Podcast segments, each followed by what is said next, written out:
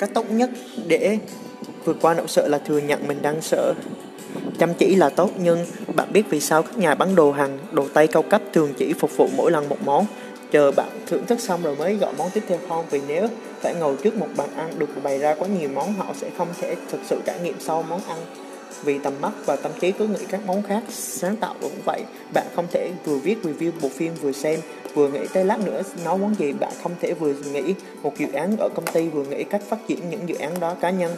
Khoa học đã chứng minh thời gian não bộ có thể sáng tạo hiệu quả nhất chỉ 4 tiếng một ngày. Điều này có nghĩa là dành khoảng thời gian quý báu của mình để tập trung hoàn toàn vào giải quyết những vấn đề quan trọng nhất với kinh nghiệm cá nhân của mình, thật ra 4 tiếng này có thể thay đổi nhịp sinh học của mỗi người. Như 3 năm trước đây, mình sáng tạo tốt nhất vào lúc 10 giờ đến 2 giờ sáng, thì bây giờ khoảng thay đổi thành 17 giờ đến 11 giờ trưa. Hiểu nhịp điệu sinh học chưa có chiến thuật sáng tạo, biết được khoảng thời gian hiệu quả của mình rồi, nhưng nếu không thể sắp xếp được lịch trình làm việc hợp lý cũng sẽ khiến sáng tạo bạn khó khó phát huy. Quy trình sáng tạo nhìn chung bao gồm 3 giai đoạn thu thập thông tin, dữ liệu, vấn đề và càng nhiều càng tốt. Kết nối tổng hợp thông tin này để tạo ra các giải pháp, so sánh thử nghiệm giải pháp để tiếp tục cải tiến. Trong ba giai đoạn này, hãy dành thời gian hiệu quả cho giai đoạn thứ hai, vì lúc này não bộ cần sự tập trung và năng lượng để xử lý thông tin, để có thể tìm ra sự dây liên kết hay tạo ra những khoảng cách cần sự suy nghĩ sâu deep thinking xảy ra khi bạn toàn tâm toàn ý đắm chìm vào quá trình thời gian còn lại. Nếu bị phân tâm thì vì những thói quen khác hoặc công việc phụ như trả lời email, trả lời tin nhắn, hỗ trợ đồng nghiệp hãy sử dụng thời gian trống giữa việc này và tranh thủ thu thập thêm thông tin từ sau một tham khảo. Điều gì xảy ra sẽ xảy ra. Cuộc sống này bất định và sẽ có những rắc rối chật chày. Có hai kiểu sáng tạo là chờ tới sát deadline mới làm kiểu người còn lại. Có thể kiểu đầu tiên chiếm đa số cả mình cũng từng có nhiều năm như vậy từ lúc là sinh viên tới khi làm được 3 4 năm mình cũng vẫn là cho rằng để tới sát deadline thì mới chất lượng sáng tạo mới được tăng vọt. Bậc thầy của quản trị Brian Tracy gọi hiện tượng này là luật năng lực ép buộc. Được viết trong sách It Task Force, khi chúng ta làm việc gì đó tới sát lại thì tạo ra bầy cõi không đủ thời gian để làm việc vì không còn nhiều thời gian. Lúc này bạn chỉ chỉ có thể làm việc cần làm dưới áp lực, tiềm năng sẽ được bộc lộ. Quy luật tự nhiên này áp dụng cho mọi sinh vật sống, khả năng càng bị ép căng, bao nhiêu năng lực càng bộc lộ bấy nhiêu. Năng lực cao nhất xuất hiện khi tập trung cao độ. Khi đã dành toàn thời gian tâm trí để tập trung vào làm việc đó, bạn sẽ giải quyết những việc đó tốt nhất trong khả năng của mình. Tuy nhiên, chọn cách làm việc như thế này chẳng khác nào đang gỡ bom vậy. Bạn không biết cách nào để cắt nhầm sợi dây màu đỏ. Cuộc sống bất định, những rắc rối sẽ luôn xuất hiện với những thời điểm ta không lường trước được.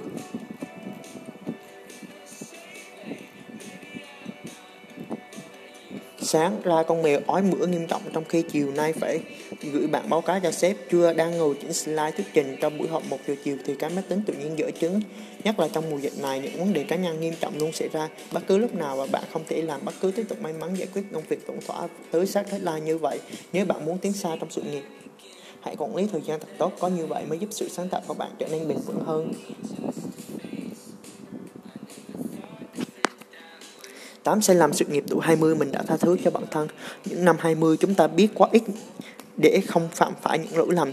Vào những năm 20 phần lớn chúng ta đều vẫn còn rất non dại. Có nhiều người thì chưa chập chững tới công việc đầu đời còn người vẫn đang ngồi trên ghế nhà trường. Nếu may mắn, bạn đã tìm thấy mục tiêu cuộc đời và tự tin hành trang đã chuẩn bị trong thời gian qua. Nếu không may như phần lớn người trẻ, những năm 20 bạn là một giai đoạn rất khó chịu, khó chịu vì chưa quen với cái mát. Người trưởng thành khó chịu vì cộng nhìn thấy trên cuộc đời toàn người thành công này mình vẫn chưa có chút kiến thức hay kinh nghiệm nào để biết mình là ai những quyết định mà chúng ta đưa ra trong giai đoạn này dường như là không có gì sai sai không có cái nào khiến ta cảm thấy thỏa mãn Nhìn lại quá trình 10 năm làm việc, mình nhận thấy mình có những quyết định đúng đắn dù nhiều người lúc đó cho là dại dột nhưng cũng có sai lầm mắc phải ở thời điểm chỉ có sự bồng bột tuổi trẻ và tâm trạng bồn chồn muốn thấy mình đi thật nhanh trong sự nghiệp. Các sai lầm mắc phải vào buổi chiều mất ngủ vào buổi tối và làm mình mệt mỏi vào ngày hôm sau. Có sai lầm là tổn hại đến cả dự án khiến mình nổi giận và bản thân tự dằn vặt trong thời gian dài. Nhưng thực sự những sai lầm này có để mình hối tiếc.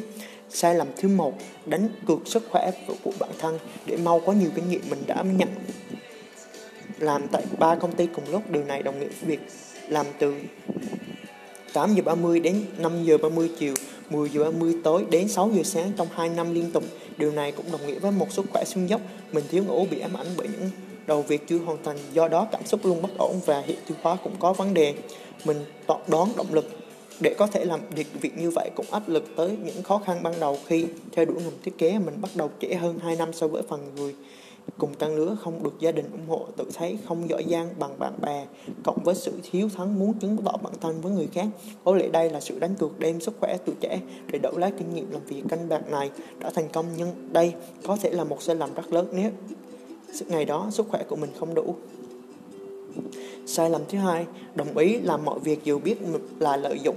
Hãy hãy để em làm ba phương án rồi gửi anh nhé không chọn cách nào thì em sẽ không lấy tiền đây là một cách tiếp nhận của mình trong những năm đầu khi thấy ai cần tìm thiết kế. Mình sẵn sàng làm miễn phí chỉ để có thêm sản phẩm trong portfolio. Dù nhiều lần mình bị người ta lợi dụng chất xám, đã có lần mình không được trả tiền dù họ sử dụng thiết kế của mình. Đã có những công việc mình phải làm dù không thuộc phận sự của mình. Nhưng điều mình buồn nhất là đó là vì quá ôm đồm nhiều việc mà không thể đảm bảo chất lượng đã khiến người đặt niềm tin vào mình thất vọng. Nếu may mắn luôn thành công trong thử thách giới hạn về sức khỏe thì lại thất bại nhiều lần về mặt năng lực. Những lần này giúp mình hiểu bị lợi dụng cũng không sao, nhưng cái đáng sợ là mình đã không thể đảm bảo những việc quan trọng được hoàn thành tốt, thật tốt. Sai lầm thứ ba là ngại đứng lên vì nhu cầu của mình. Mình đã được tăng lương liên tục 3 lần trong 6 tháng. Đương nhiên, việc tăng lương không đủ thể hiện được môi trường công việc tốt hay xấu, nhưng mình thật sự may mắn khi đã làm việc ở những công ty này trong sự nghiệp như GQ Design, Young GitHub tăng lương liên tục thể hiện được ta đã có người sếp luôn công nhận nỗ lực của nhân viên. Nhưng điều này lại vô tình tạo ra áp lực khiến mình nghĩ mình giỏi và được ưu ái nên phải người công hiến nhiều nhất. Việc gì mình cũng làm, dù có những việc mình rất ghét hay có mệt mỏi cũng không dám tăng bản chia sẻ với ai.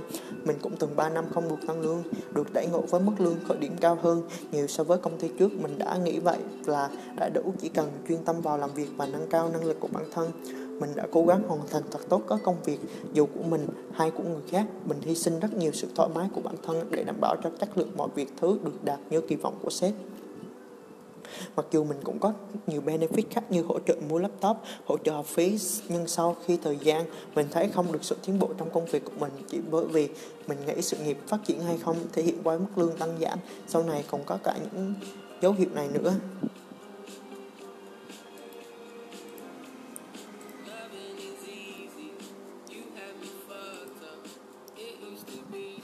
Lẽ ra phải xin phép nghỉ ngơi khi cảm thấy quá tải để suất được tăng lương khi cảm thấy bản thân đã có tiến bộ rõ rệt. Relationship sai lầm thứ bô vì quá bận rộn, mất nhiều mối quan hệ. Với lịch làm việc kín mít như vậy, mình không có thời gian để nghỉ ngơi. Thật sự nói là duy trì các mối quan hệ khác, mình gần như mất hết bạn bè từ từ đi học và cũng không tạo thêm được mối quan hệ mới. Đã có nhiều câu điểm bạn bạn mình nói nếu lần này không đi cùng, sẽ không bao giờ rủ mình đi nữa. Đã có thành tựu đạt được nhìn lại không biết chia sẻ với ai. Đã những thời điểm mình cảm thấy rất cô đơn và khi mình nghĩ về công việc, nhưng hẳn là quá tham lam nếu mình tìm kiếm một hoàn cảnh lý tưởng cân bằng ở mọi mặt. Cuộc sống này cơ bản hay quanh sự đánh đổi. Khi ra quyết định, đơn giản là mình đang bỏ một thứ xuống để cầm thứ khác lên, nên mình chọn cách cho bạn bè biết mình ở thang giá trị hiện tại. Ta đang muốn đạt được điều gì nhiều hơn. Những người bạn chịu hiểu cho ta thì tới giờ vẫn còn là bạn. Những người đã thôi không liên lạc thì có vẻ vui vẻ ngừng bận tâm. Tới lúc một lúc nãy ta nhận ra dù có sự nghiệp làng nhàn hay vẻ vang thì một số mình một số giờ một ngày cũng không thể thay đổi và mình chỉ có thể dành túi tài sản hạn hẹp này với những người mình thật sự quan tâm đến mình. Behavior Sai lầm thứ năm là cư xử không đúng mực với đồng nghiệp và sếp. Thiết kế của anh đẹp, anh đã công nhận nếu em thấy không đẹp thì coi lại thẩm mỹ của em đi. Đây là phản ứng của mình khi một bạn lập trình team khi bị feedback thiết kế không đẹp, sự công nhận của sếp, sự tán dương của mạng xã hội đã đẩy cái tôi của mình lên cao ngất vì muốn bảo vệ niềm tin thiết kế của mình mà chẳng nể nang gì đồng nghiệp. Bây giờ nhìn lại mình đã may mắn khi mắc lỗi này từ rất sớm khi cái tôi đã còn chưa quá lớn. Nhờ sự góp ý của một người tự đọc thêm các lời khuyên khác từ sách vở mình đã học thêm được cách tớ ưu cái tôi của mình trong công việc. Một sai lầm khác về giao tiếp nữa là tỏ ra quá thân với, mặt với sếp trong không khí làm việc. Cho tới giờ mình vẫn chưa gặp một ông sếp xót xa nào cả và tới giờ anh này vẫn giữ liên lạc với nhau như anh em nhưng chính vì sự thân thiết như vậy mà mình đã có những đùa giỡn vượt qua giới hạn trước mọi người phong thái chuyên nghiệp là những cư xử phù hợp trong ngữ cảnh phù hợp thân thiết đúng với đồng nghiệp là tốt, nhưng cũng phải giúp đỡ mọi người. Nãy chuyên nghiệp nhất là khi ở vị trí cao trong tổ chức, sai lầm thứ sáu luôn nghĩ rằng bản thân, nghĩ rằng phát triển là đi lên, không phải đi ngang. Mình đã từng cho rằng phát triển sự nghiệp là tiến đi lên, đi kèm với thành tựu, tiền bạc và danh tiếng. Vì vậy nên chỉ tập trung vào phát triển chuyên môn mà không quan tâm đến các kỹ năng khác. Trừ khi bạn đang là một lĩnh vực đòi hỏi tính thủ công tỉ mỉ cao và sản phẩm cuối cùng được hoàn thành phần lớn từ khả năng của một người thì việc phát triển chuyên sâu, kỹ năng, chuyên môn vẫn có thể đưa bạn lên vị trí nghệ nhân, có thể xem là đỉnh cao của một ngành nghề nào đó.